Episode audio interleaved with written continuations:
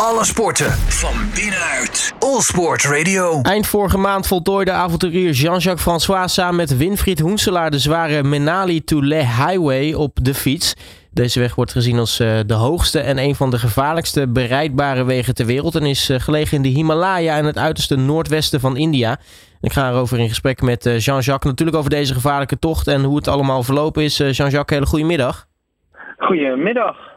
Um, ja, we inmiddels weer, uh, weer thuis. Uh, ja, hoe kijk je allereerst terug op, uh, op, op die tocht? Uh, ja, hoe kijk je erop terug? Het begint eigenlijk nu allemaal een beetje te bezinken. Ehm, ja, je komt thuis en dan ja, zit je nog in de roes. mensen willen weten hoe het met je gaat, hoe was het, et cetera. En dan, dan ga je de duizend, 2000 foto's eens doorkijken wat we nou eigenlijk allemaal gedaan hebben. En dan, ja, dan, en dan denk je toch, het was toch wel een een dingetje wat we gedaan hebben. Ja, ja. Een, dingetje is nog een understatement, denk ik inderdaad. Um, ja. Want uh, ja, toch even kort. ik zeg het in de intro, het is natuurlijk uh, een best wel gevaarlijke weg. Maar uh, hoe, hoe, hoe ben jij op het idee gekomen om dat samen met, met Winfried Hoenselaar in dit geval te gaan doen? Nou, Winfried is een hele goede vriend en hij, hij heeft heel veel gefietst ook in zijn leven. En ja, op een gegeven moment kwamen er twee passies bij elkaar. En toen zijn we een aantal bergpassen, een aantal keer zelfs een aantal grote bergpassen in, uh, in Europa gaan fietsen.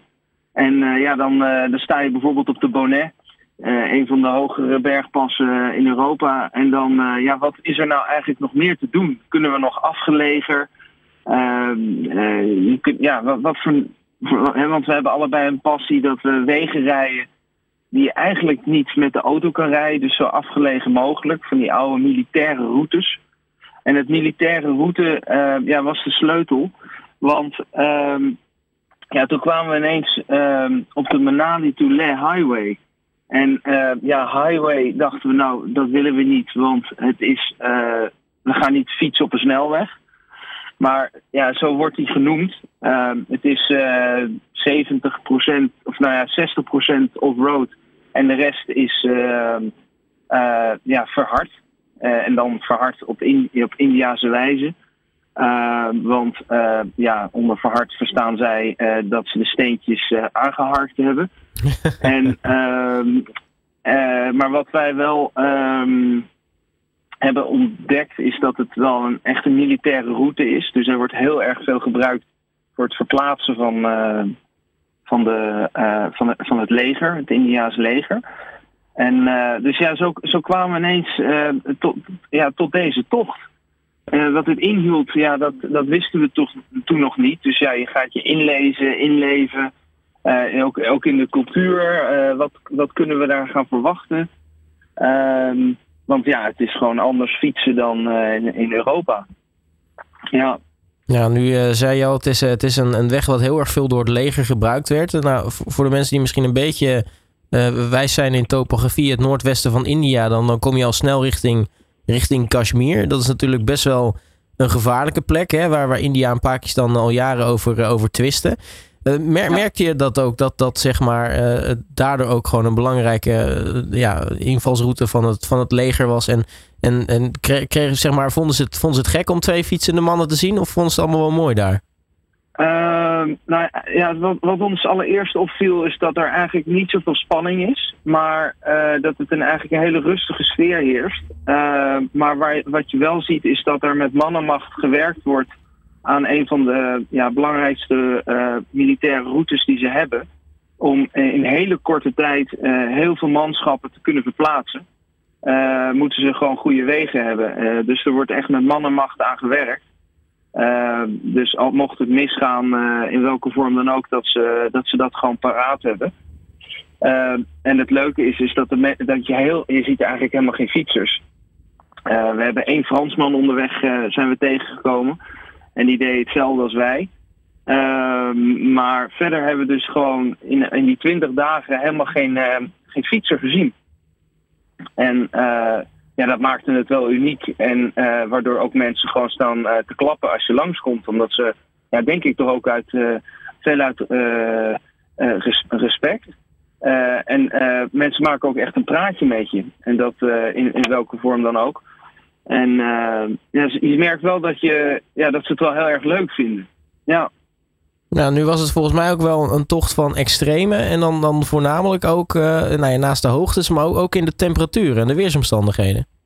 Uh, ja, klopt ja. Uh, nou, het is natuurlijk ook zomer, dus op zich, waar, we waren een beetje ook met de, met de regenperiode wel bang dat we heel veel regen zouden gaan krijgen. Nou, dat is alles behalve meegevallen. Want uh, ja, we hebben eigenlijk fantastisch weer gehad. Peter had niet uh, gekund. Uh, in, en dan bedoel ik dat we het droog hebben gehad. Um, ja, we vlogen eerst naar Delhi. Ja, daar was het 47 graden. niet te harde gewoon. Zeker, zeker, niet ja. als je gewoon uit Nederland komt vliegen. Dus dat was al alleen al acclimatiseren. Ja, en dan, en dan ga je richting de bergen. Ja, en dan is het s'nachts gewoon min 6, min 7. Ja, en dan, uh, uh, ja, dan word je moe. Uh, je, ja, je bent toch, nou ja, ik zeg niet ondervoed, maar je bent, ja, je bent gewoon moe van, van, van de hele dag fietsen. Ja, je zit toch tien uur per dag op de fiets. er zitten toch wel emoties bij. slaap, veel slaaptekort. Ja, en dan, ehm, en dan, ja, dan voelt het gewoon sowieso e-, extra, extra koud. Nou, want hoe zat het eigenlijk met, uh, met de inspanning? Want uh, het is natuurlijk echt op grote hoogte, hè? want uh, het is allemaal boven ja. 4.000, 5.000 meter. dat, dat, ja, daar moet je als, als iemand die uit Nederland komt, moet je daar denk ik wel een, een beetje aan wennen en acclimatiseren. Ja, klopt. dat hebben we ook gedaan. we hebben een, een zeg maar een dag of drie hebben we rond de 1500 meter gezeten. En daar hebben we dan wat hoogtetrainingen gedaan om ja, toch wel ja, toch een beetje te wennen aan, de hoogte. En, uh, maar ja, aan de andere kant, uh, je moet het ook gewoon lekker rustig aandoen en je tijd te vernemen. En gewoon gedurende je, je reis je aanpassen.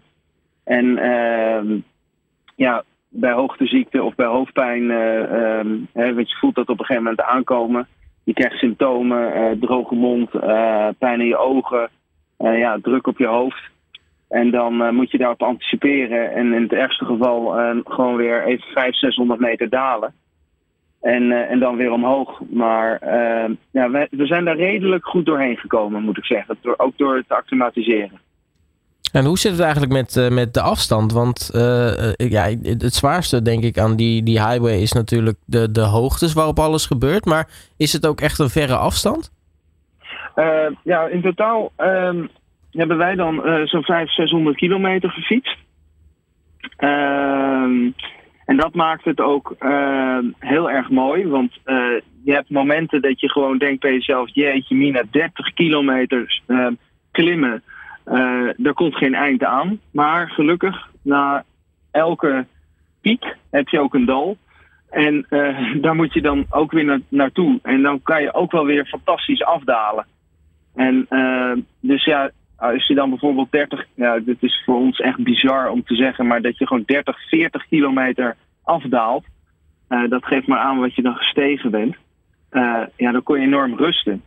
Uh, in die zin dat je geen zuurstof gebruikte, net zoals met klimmen. Maar -hmm. ja, je moest enorm oppassen weer met, met hoe je afdaalt. met toch ineens een vrachtwagen die uit een dode hoek komt. ineens een, een, gat in de weg een, een, een aardvers, uh, aardverschuiving die uh, de hele weg heeft geblokkeerd.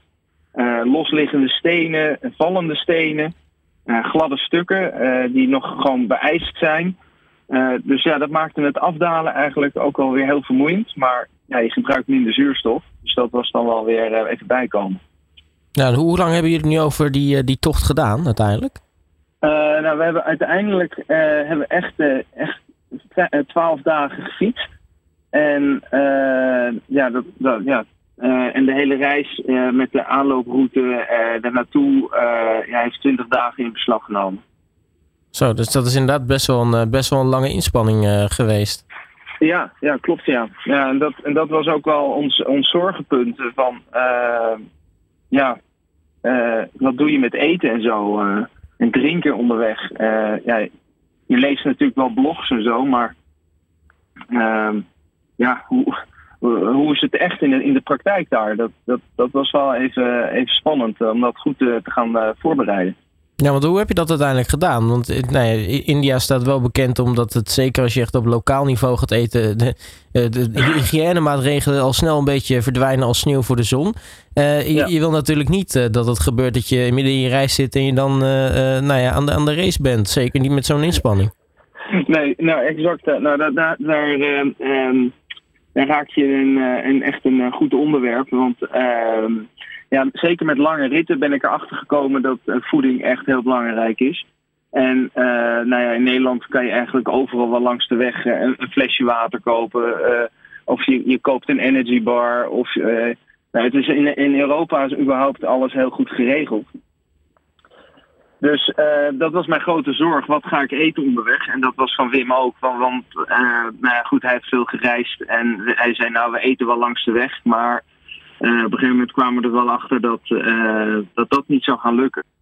Om, ook omdat het gewoon de hygiëne daar gewoon niet goed is. Mm -hmm. Dus toen ben ik, ben ik in contact gekomen met, met Kalkman. Kalkman maakt hele lekkere bites op natuurlijke basis. Dus geen poespas met, ja, met moeilijke ingrediënten. Het is, het is een soort peperkoek met, met ja, ahornsiroop bijvoorbeeld erin. Of nou ja, allemaal natuurlijke smaakjes die direct door het lichaam worden opgenomen.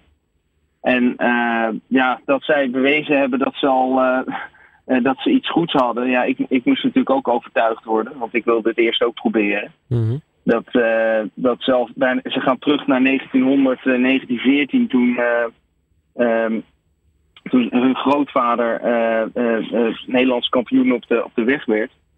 Dus ik zei, nou kijk, als ze in 1900 uh, uh, met de minste tools uh, zulke prestaties konden leveren, ja, dan is dat voor onze reis ook goed. en, en dat heeft bewezen, want ja, ik heb eigenlijk gewoon twaalf dagen op, op, op die hapjes en, en shots en, en bites geleefd. En je, en je hebt het overleefd, dus ja. ja, nee, ja, maar dat, kijk, je kan, een goed voorbeeld was dat we dan, ja, je krijgt dan bijvoorbeeld rijst en, en er staat dan gebakken kip. Maar ja, dan zie je waar die kip al een tijdje ligt. en dan gaan ze dat aanbakken. En op grote hoogte is bijvoorbeeld het koken van water door de luchtdruk ook anders. Dus als bijvoorbeeld iets 90 graden is, dan is het eigenlijk bijvoorbeeld maar 60 graden. dus um, ja, eten wordt daar gewoon, gewoon niet goed doorbakken of gekookt. En uh, ja, daar kunnen wij gewoon niet tegen. En zeker niet als je op de fiets zit. Nee, dat kan me inderdaad goed voorstellen. Uh, uiteindelijk de, de, de eindstreep natuurlijk gehaald. wat, wat dacht je op het moment dat je nou ja, de, de, bij, bij je finishplaats aankwam? Ehm, ja, wat, wat dachten we? Ja, er, gaat natuurlijk enorm veel door je heen. Omdat je natuurlijk enorm... ja, we hebben er enorm naartoe geleefd. Ehm, de, de, corona heeft ertussen gezeten, want deze reis was eigenlijk zo'n drie jaar geleden al gepland. En uh, ja, als je dan zo'n pas als bijvoorbeeld de allereerste die we beklommen, uh, de Rotang La, uh, die is dan 4000 meter. En dan, en dan denk je bij jezelf, oké, dit, dit is het dan. En wat, ga, wat, gaan we nog meer krijgen? En ja, vervolgens verstrijken er 12, 12 dagen. En dan sta je dan boven op de Cardula. En dan heb je er uh, uh, een stuk of vier, vijf gehad boven de 4000 meter. En dan denk je, ja, dit, dit hebben we dan toch maar echt gewoon geflikt, gewoon met z'n tweeën. Ja. ja, dat is heel bijzonder. En ja, dan staan er mensen om je heen. En die, die zijn er bijvoorbeeld met een auto naar boven gereden. Want overigens de Cardula enorm goed is aangelegd. Omdat het ook een toeristische attractie is voor India. Er zijn mensen echt uh, uit heel India die daar na, die naartoe komen om, om dat een keer in hun leven te hebben gedaan. Mm. Dus doen dat dan bijvoorbeeld met de auto. En, als je, en ja, die kijken dan naar je, heb je dat met de fiets gedaan? En dan zie je ze echt bedenkelijk kijken van, oké, okay, ik, vond, ik vond dit al, al moeilijk. Ja, en dan als je dat op de fiets doet, ja, dat, ja, je, hebt van die, ja, je krijgt van die vragende blikken. ja, hoe, hoe zijn ze hier gekomen? ja, fietsen. ja. Fantastisch. Uh, ja, dus, ja. Uh, dus, dus een prachtig avontuur gehad daar. Um, dan, ja. dan, is natuurlijk de logische vervolgvraag van wat, wat, wat zit er nu in het, in het vat? Ja, want we zitten nu in het vat. Ja, ik ben er altijd een beetje voorzichtig, voorzichtig mee om te zeggen. Omdat je weet natuurlijk nooit of het daadwerkelijk gaat lukken. Maar allereerst eerst maar eens even genieten van wat we nu gedaan hebben. En ehm, ja, ik denk dat er toch wel weer een, een mooie berg, een berg aan gaat komen. En ja, dan ehm, die wil ik het liefst ehm, gaan beklimmen in vintage gear, zoals ze dat in 1940 ook deden. Ja, terug in de tijd. Terug in de tijd, dat is wel heel erg tof. Uh, en over terug in de tijd gesproken, uh, volgens mij, je bent natuurlijk ook nog lid van de Moeke Spijkstra, de, de, de, de wielerclub, zeg maar. wat, daar komt ook volgens mij een, een leuk feestje aan, hè?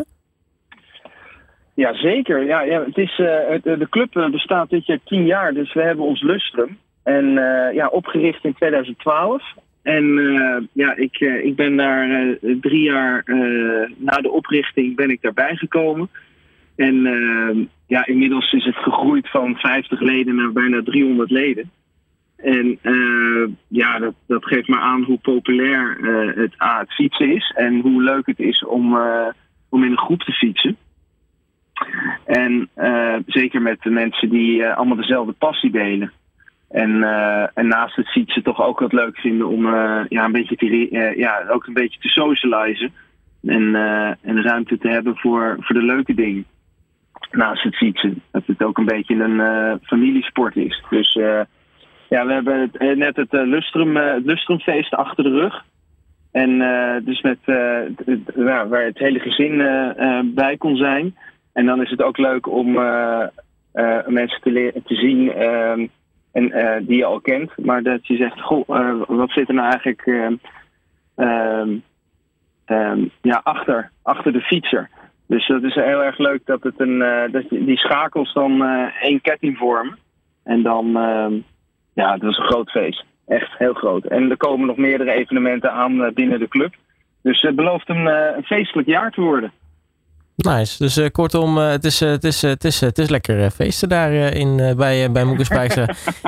wordt, ja, wordt dus heel erg leuk. Wordt dus heel erg leuk. Jean-Jacques François, mag ik je hartelijk danken natuurlijk voor, voor je tijd. Voor ons vertellen over je avontuur. En ja, nogmaals natuurlijk gefeliciteerd met het, met het halen van zo'n prachtige prestatie. Ja, dankjewel. Ja, ja dit, had je, dit had, was nooit gelukt in, in je eentje, omdat ja, je hebt echt elkaar nodig. Dus uh, ja, het was uh, gewoon een, uh, een teambuilding event wat je samen bereikt. Want ja, je hebt elkaar echt nodig in hoogte- en dieptepunten. Ja. Alle sporten van binnenuit. All Sport Radio.